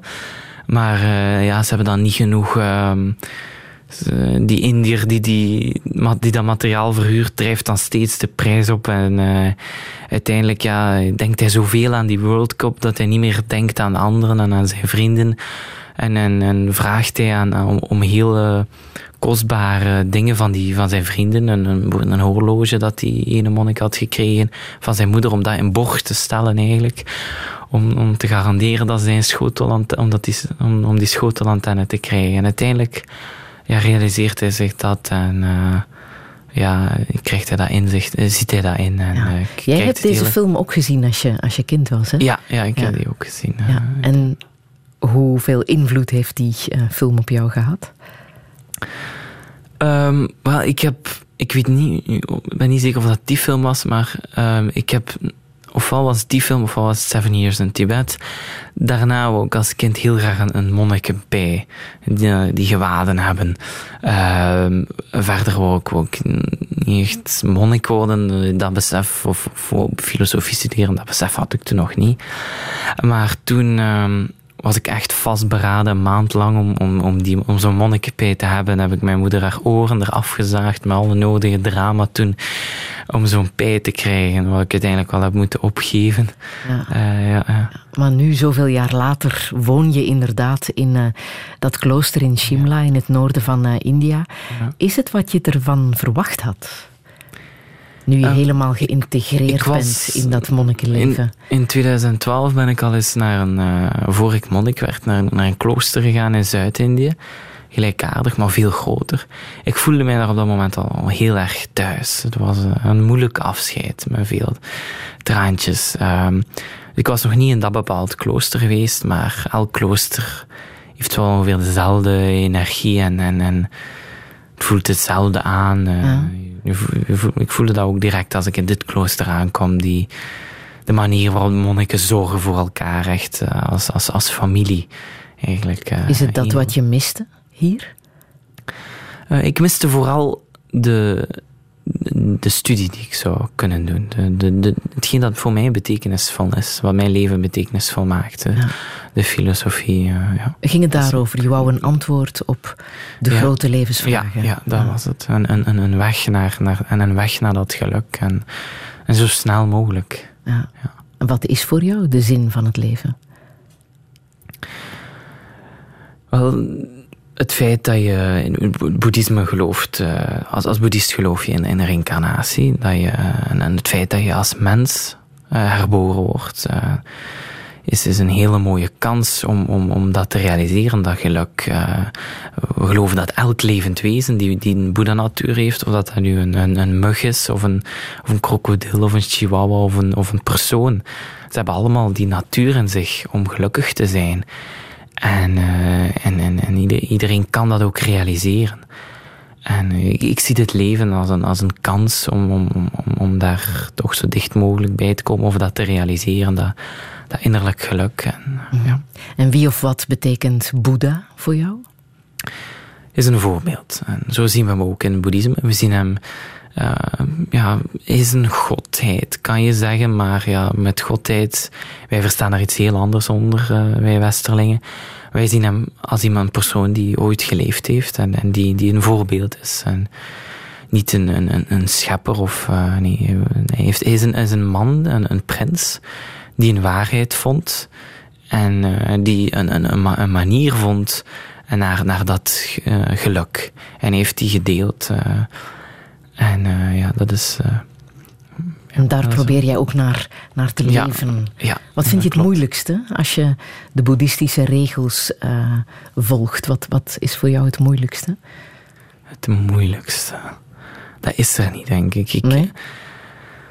Er zijn wel hele kleine dingen, maar ik bedoel, uiteindelijk, het, het, is, het is mijn droom en ik, ik, ik wil. Ik, het is mijn, al, al, al, die tijd mijn diepe wens geweest om, om, om, om, om gelukkig te kunnen zijn zonder daarvoor afhankelijk te zijn. Dus dan ja, heb je het eigenlijk met niks moeilijk. eh. er zijn wel eens wat, wat, wat dingen, die, die, problemen die op je pad komen, maar uiteindelijk ja, is dat, is dat elke weg die je opgaat, is dat zo. En, en als je zolang je op lange termijn blijft focussen, overwin je die wel. En, Ja, Maar leven zonder verlangen, want dat is zo wat de, de basismotivatie van eh, de boeddhisten. Hoe moeilijk is dat? Ja, uiteindelijk, je leert daar ook mee omgaan met dat verlangen. Ehm, uiteindelijk, vaak zie je nu, nu dat er meer ehm, interesse is in het boeddhisme in het Westen. Dat is eh, mindfulness en zo, en wordt, wordt in bedrijven gegeven en zo. Maar dan wordt er vaak de fout gemaakt dat, dat, dat die mensen dat praktiseren en mindful proberen te zijn en minder stress te proberen, om net nog harder te kunnen werken. Dat is niet wat, wat boeddhisten willen. Boeddhisten willen wel een aangenamer leven, willen gelukkiger zijn, maar willen uiteindelijk dat overs- overstijgen, buiten die, die, die concepten gaan. En ehm, dat is... ehm, het is belangrijk om, om, om dat te ont- onthouden. Dat, je, dat, je, dat we niet als boeddhist of dat we niet proberen om hier gewoon een zo'n aangenaam mogelijk leven te hebben, maar dat we daar voorbij willen. Maar verlangen is, is bijvoorbeeld eigenlijk wel iets, iets, eh, iets eigenlijk, vind ik zelf. Als je. Ja, ik, ik kan bijvoorbeeld als ik in Indië ben een, een, een jaar lang verlangen naar, naar frieten of marsepein. En zolang je niet te veel fixeert op dat, op dat hebben, is dat eigenlijk wel redelijk aangenaam. Terwijl als je eentje die marsepein hebt, ja, dan steek je dat in je mond, je erop en is het weg. Dat is het verlangen En de verlangen duurt veel langer en je kan er uiteindelijk wel van genieten. eh. het is zoals verliefd zijn. Eh, ik heb dat ook al in mijn omgeving gezien. Vrienden die, die verliefd zijn, zijn, zijn plots nog vriendelijker of, of aangenamer of gelukkiger. En, maar ja, nadien ze dat, dat hebben, dat ze, dat, ze, dat, dat ze een relatie hebben, dat, ze, dat die vermindert die verliefdheid. En, en pas, pas als je hebt, eigenlijk beginnen de problemen, of dat nu een relatie is of een, of een, of een nieuwe gsm. En dan, dan pas eh, begin je zorgen te maken of, of begin je eraan te hechten, ben je bang dat je het zal verliezen. En, en, en dat is iets eigenlijk onmogelijk, want alles, alles verandert continu. En als je je geluk daarvan afhankelijk laat zijn, word je vroeg of laat eh, teleurgesteld. Nu, ja, uiteindelijk gaat ook, ja, ieder, iedereen gaat dood. Ehm, ik, eh, dat is waar we, uiteindelijk willen we daar voorbij. Je hebt ook veel geleerd uit eh, het boek van die eh, filmmaker. Die heeft ook een boek geschreven, hè? Wanneer ben je een boeddhist? Ja. Ehm, wat heb je daaruit eh, geleerd? Is het een boek dat wij ook moeten lezen? Ik raad het zeker aan als je het wil lezen. Ik ga, ik ga niet mensen verplichten of, of, of, of, mensen aanmoedigen om boeddhist te worden. Maar het is wel zeker een, een interessant boek als je gewoon eens wil weten wat boeddhisme is. Uh, want je ziet nu, omdat boeddhisme redelijk wel interesse, dat er meer en meer interesse is uh, in boeddhisme, dat het op vele manieren gebracht wordt met nogal veel tirlantijn er rond en dingen die eigenlijk niet amper die, die niet, meer boeddhisme zijn. En dat is, vind ik eigenlijk wel spijtig. Ik heb ook al jongeren gehoord um, die, ja, die interesse hadden in boeddhisme en die dan ja, er is contact gaan zoeken met een organisatie, maar dat is eigenlijk dan teleurgesteld worden door al de ja, dingen die, die erbij worden gegooid die eigenlijk ja, er meer, die het niet meer aantrekkelijk maken. En dat in dat boek geeft echt een duidelijk uh, beeld uh, aan wat, wat boeddhisme inhoudt. Wat het ja. precies is. Wanneer ben je een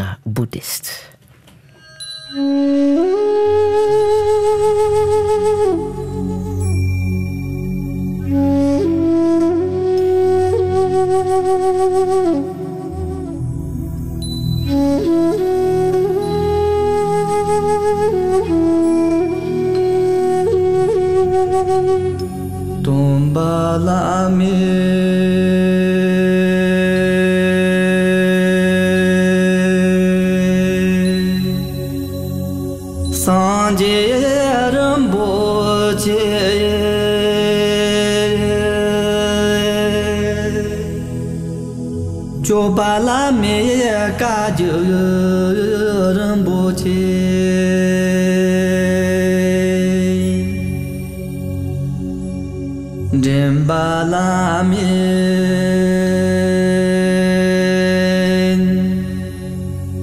sen khwa ye ram bo je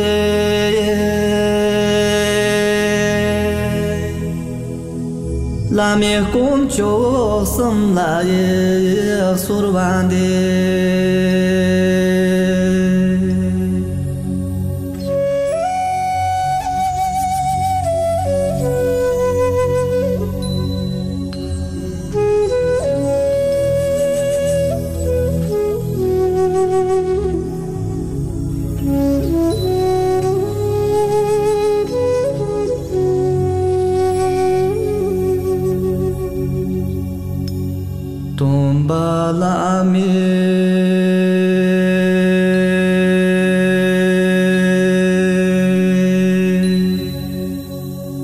sanje rambo che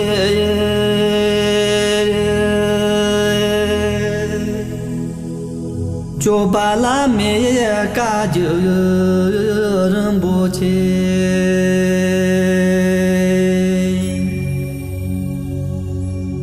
dem bala me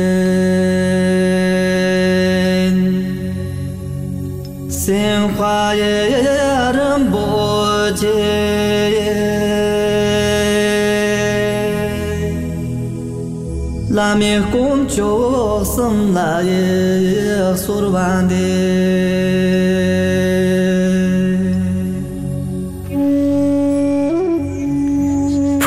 to the Three Refugees was dit van uh, Akarpa Rinpoche. Uh, Gilles Foubert, waarom wou je dit laten horen? Ah, ik vind dat je, zelfs zonder de, de woorden te begrijpen, dat je heel goed uh, kan horen met hoeveel respect en, en devotie die Akarpa Rinpoche dit, dit, dit uh, lofgebed zingt, reciteert. Ook iemand die jij kent, hè? Ja, ja hij is de broer van, van die leraar die ik uh, regelmatig ontmoet. Uh, ja, en die je nu ook hebt teruggezien tijdens je bezoek in België. Ja, ja. ja. na, het was vijf jaar geleden, eigenlijk van voor mijn vertrek, dat ik hem face-to-face -face had gezien. Mm -hmm. Kan jij dit ook zo zingen? um, ik denk dat het gebed wel um, is hebben af en toe eens reciteren in het, uh, in het klooster, maar echt, we memoriseren veel gebeden, maar dit, uh, ik denk dat dat niet zoveel voorkomend gebed is. Alhoewel, eigenlijk, het, het is een, een, een lofgebed aan de, aan de drie juwelen. Drie juwelen zijn Boeddha, Dharma, Sangha. Uh, allereerst de, de Boeddha, degene die, die ons het pad toont, een methode geeft. De Dharma is, is de, de, de leer die, die Boeddha onderricht. En de Sangha zijn, zijn, de, zijn de mensen die, die het boeddhisme praktiseren, de, de hmm. monniken, de boeddhisten. Ja. Uh, Jij wilt um, die studie helemaal voleindigen. Uh, dat duurt 15 jaar in het totaal. Daar heb je nu al vijf jaar van op zitten. Dus je gaat studeren tot je dertigste. Ongeveer. Um, veel leren pushen ook. Uh, zeggen, ja, zeggen, je moet niet... We zullen zien, na, we bestuderen bepaalde onderwerpen tijdens die 15 jaar. Voornamelijk in, in de filosofie. En het is eigenlijk modulair. Dus je kan, je kan ook bepaalde onderwerpen overslaan of, of, of, of, of je kan je bent niet uh, je moet niet volledig afgestudeerd zijn zeg maar ze willen vooral omdat ik ook een, een westerling ben willen ze zo vlug mogelijk dat, dat ik zo vlug mogelijk uh, in staat ben om, om, om, om, om les te geven of om, om te vertalen. Ja, dus om het hier kan... het boeddhisme uh, te verspreiden dan? Of hoe, hoe, zie jij dat? Nu, het is niet dat ze mij ja, daarvoor zo zo direct willen klaarstomen of zo vlug mogelijk. Maar vooral omdat er, omdat er eigenlijk... Uh, Toegelopzang heeft, heeft mij al een... Toen, ik, uh, toen hij wist dat ik monnik ging worden, heeft hij mij al een job aangeboden. Omdat er... Ja, er is veel interesse, maar er moet nog heel veel vertaald als, worden. Als leraar of als... Uh... Of als vertaler of als... ja... dat weet ik nu nog niet, maar het is... Het is modulair. Je, je hoeft niet per se afgestudeerd te zijn. Maar na die 15 jaar kan je wel een, een graad behalen, een, een diploma, een, een, doctoraat kan je zeggen in de boeddhistische filosofie. Mm maar, uh, en hoe zie jij jezelf dan oud worden? Blijf jij je hele leven lang in een klooster? Met het boeddhisme ben je wel zoet voor het leven. Je kan er uh, gerust tot je, tot je dood eigenlijk over blijven bijleren. Maar ik wil zeker wel uh, terugkomen naar, naar, naar, naar, België, naar het Westen. Uh, je mag ook in het klooster blijven. Dat is je, dat is, dat is je eigen keuze. Uh, maar... een van de intrigerende regels van het boeddhisme is dat je niet mag slapen met een vrouw. Hè? Als monnik toch niet. Mm -hmm. we, hebben, we hebben vele geloften, 34 geloften. En daarvan zijn, dan zijn er vier, daarin zitten vier hoofdgeloften. Die drie eerste zijn niet stelen, niet doden en niet liegen. Die laatste is dat je, dat je niet mag slapen met een vrouw. Kan je je daarin vinden? Als jonge kerel? Wel, die eerste drie zijn, zijn voor de hand liggende. Een goede persoon zal die sowieso zo min mogelijk proberen te doen. Maar ik vind nu, dat laatste, je kan, het is niet dat we zeggen dat dat slecht is, dat een relatie, een relatie met een vrouw slecht is. Maar als monnik, de enige, een van de voornaamste redenen waarom die reden er is, die gelofte, is omdat we ons zouden focussen op onze studie. Als je, als je een gezin hebt en, en, en, en een familie ondersteunt, en, en, een job hebt, dan, ja, dan, is er niet veel, dan kan je niet negen uur per dag studeren. Ik denk dat de meeste papa's ook al ja, weinig vrije tijd hebben. Ben je ooit verliefd geweest? Oh, lang geleden wel, kalverliefde wel, maar en nu zie ik dat ook nog wel. Vrienden van mij, klasgenoten die ik terugzie. Maar ik vind, nu leg ik de prioriteit bij, bij, bij het, het, het leren, het studeren van, van, van die filosofie. Ja, geen vrouw, dat is ook geen kinderen. Nee, maar ja, in het klooster zijn er ook wel uh, ik heb ook bijvoorbeeld een kamergenoot, uh, Kleine Muis, zoals hij wel heet op Instagram. uh, zijn bijnaam, want zijn naam is uh, Chuchi Shirab, wat wel moeilijker is voor ons om uit te spreken. En ik krijg dan een zekere verantwoordelijkheid, een, een soort van vaderfiguur, kan je zeggen. Dus ja, ik heb wel zelf geen kinderen, maar je, je krijgt wel in het klooster, moet je wel, wel, wel zorgen voor ja. jongere monniken. Zou je dat willen, of is dat echt al uitgesloten? Um, ja, je kan de toekomst niet voorspellen. Dus niks, niks is uitgesloten. Maar nu, nu heb ik, nu heb ik het idee om, om monnik te blijven. Uh, maar als eentje monnik wordt, um, is, ben je niet verplicht. Ik ben niet verplicht om in het klooster te verblijven of verplicht om monnik te worden. Maar nu, nu wil ik monnik zijn. Uh, ja. mm. Dus is daar nu even ook geen sprake van? Nee. nee. Ben jij bang voor de dood?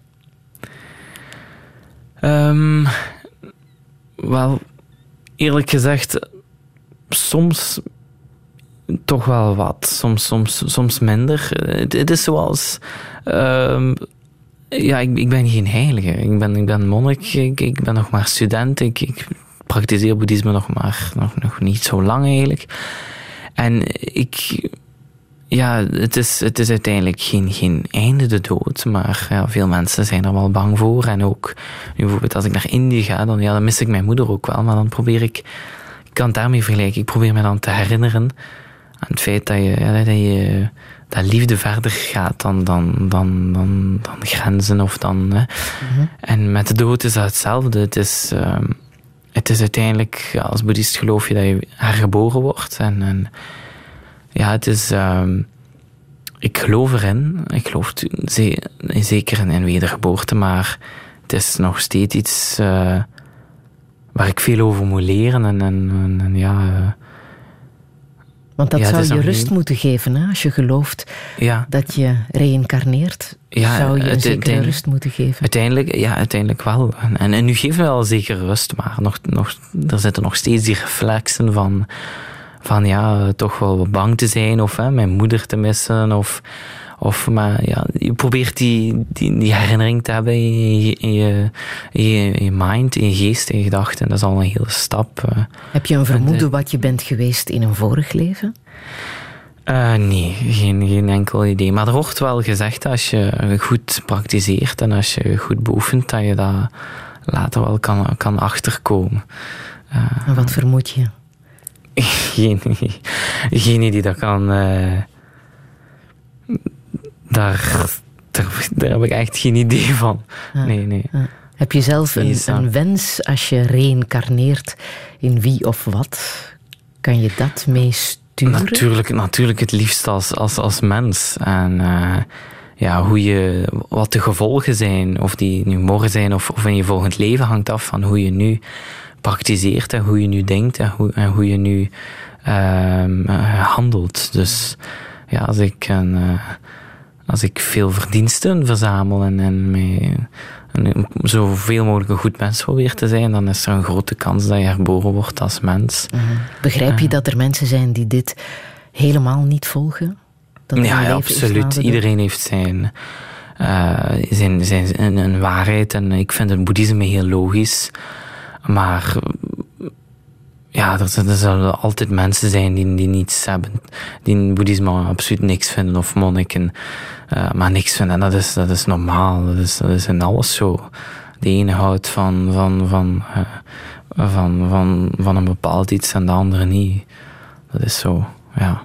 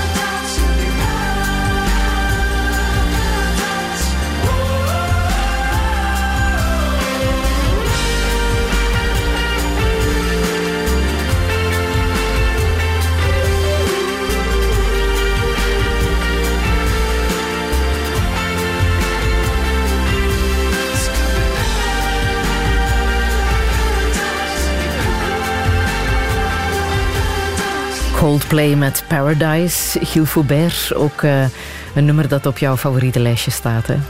Ja, dat is een nummer dat ik vele jaren geleden ontdekt heb en uh, altijd ben naar blijven luisteren. Ja. Bestaat er zoiets als het uh, paradijs? Of, er, of dat ergens fysiek bestaat, ik denk het niet. Maar wij willen als boeddhist proberen wij dat par paradijs in onszelf te realiseren. Uiteindelijk als je zelf verandert, uh, verandert alles. Ja. Dat is wat we doen. Je bent afgelopen donderdag 21 geworden? Um, ja, ik weet niet meer of het een donderdag... Ja, dat is een donderdag, ja. Klopt. je eigen verjaardag. Ja, ja, ja. ja. En heb je het gevierd? Um, ik moest die dag naar een... Uh, ik was die dag uitgenodigd op een, op een school om... Uh, een uiteenzetting te doen over mijn keuze en over ja, wat, ik, wat mijn doel is en hoe mijn leven er als monnik uitziet. En dat is blijkbaar op een of andere manier gelekt dat het uh, dag dat jouw verjaardag was. verjaardag was. En uh, ja, dan hebben die leerlingen uh, gezongen en een taart gepresenteerd. Dat was al een hele leuke verrassing. Maar vorig jaar was dat ook exact. Was ik toen ook op een school. En, ja, ja. Ik zou het er bijna om doen, zou je zeggen, maar dat was helemaal niet gepland. Ja. En wat is jouw echte doel in het leven? Wat zou je echt nog willen? Um, het, het, geluk bereiken in, in, in, in, in mezelf. En ik vind dat, dat respect eigenlijk, eigenlijk de, de katalysator is, kan je zeggen, om, uh, om, het, om, om, om, om, het, om het klimaat te redden. En, en eigenlijk om, om het klimaat te kunnen redden, moet je, moet je jezelf in de eerste plaats redden. En dat is aan jezelf werken. En, en uh, als je, zoals ik zei, als je, als je verandert, als je zelf verandert, verandert alles rondom jou. Mm. Dus, dat wil je doen als, als geshe, als, uh, als leraar. Ja. Wat ik wil doen als geshe? Ja. Um, ja, natuurlijk mijzelf eerst nu gedurende die tijd uh, zoveel mogelijk proberen sleutelen aan mezelf. Ja, als je een dokter die ziek is, of iemand die ziek is, kan, kan geen andere helpen. Um, en uh, zoveel mogelijk aan mezelf werken om uiteindelijk anderen beter te helpen. Uh, anderen, ja, dat is ons doel. Maar je wilt dus geshe worden, leraar? Ja, en Als je zegt, ik, ik, wil ook terugkomen naar, naar België, moet je dan nog je humaniora op een of andere manier afmaken? Moet je dan nog terug naar de middenjury? Als ik dat wil en als, als dat nodig is, kan ik, heb ik zeker nog die kans. Uh, ja, kan ik zeker nog mijn, mijn, mijn diploma halen. Ja. ja, want in India blijven is geen optie voor de rest van je leven? Nu heb ik het idee om, om na mijn studies terug te komen naar België. Maar als ik uh, ja, plots beslis van daar heel mijn leven te blijven, kan dat ook. Uh, ja. ja, dat, is, dat ligt... Ja, ik kan de toekomst niet voorspellen. Uh. Mm. Is het leven beter hier? Alles bij elkaar genomen? Um, praktisch misschien wel, maar ja, uiteindelijk is er. In Indië kan je wel zeggen dat de mensen anders denken en de omgeving is totaal anders. Maar het is eigenlijk moeilijk om daarover te spreken. Ik ben ondertussen al gewoon om tussen die twee werelden, bijna, kan je zeggen, te reizen. Um, maar ja, je kan, je kan zeggen dat leven in België, in België praktischer is. Maar in, in, in ja, ik, ik kan moeilijk vergelijken. Indië, Indiërs en, en Tibetanen die denken op een hele andere manier. Uh, sommige leraren zeggen ze hebben they have no common sense. Ze hebben geen, um, uh, hoe zeg je dat? Uh, algemeen, ja, ja, common sense. En ze, ze zien vaak, Indiërs zien vaak geen, geen problemen waar, waar wij een probleem zouden zien. Uh, maar het werkt. En dat is ook de eigenschap dat je ziet aan Indië, zo'n combinatie van, van alles, van, van culturen. En, maar toch, toch werkt het op een of andere manier. Ondanks dat wij als Westerling misschien absoluut zouden zeggen van... Hey, of, ja. ja. Zullen we nog eindigen met een uh, vrolijk nummer? Say My Name van Peking Duck.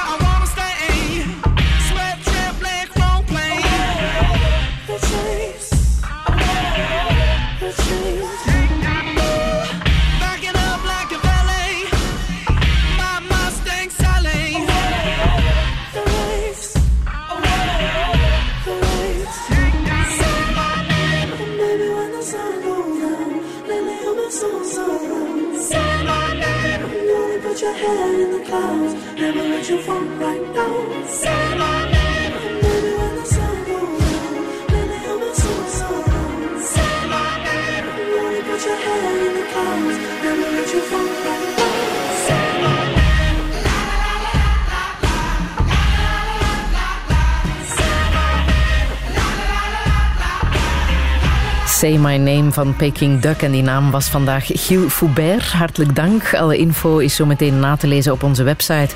Daar kan je ook herbeluisteren en podcasten. Volgende zondag praat ik met de directeur van Amnesty International, Wies de Graven. Graag tot dan. Herbeluister Touché via de podcast, de Radio 1-app en radio1.be. Touché.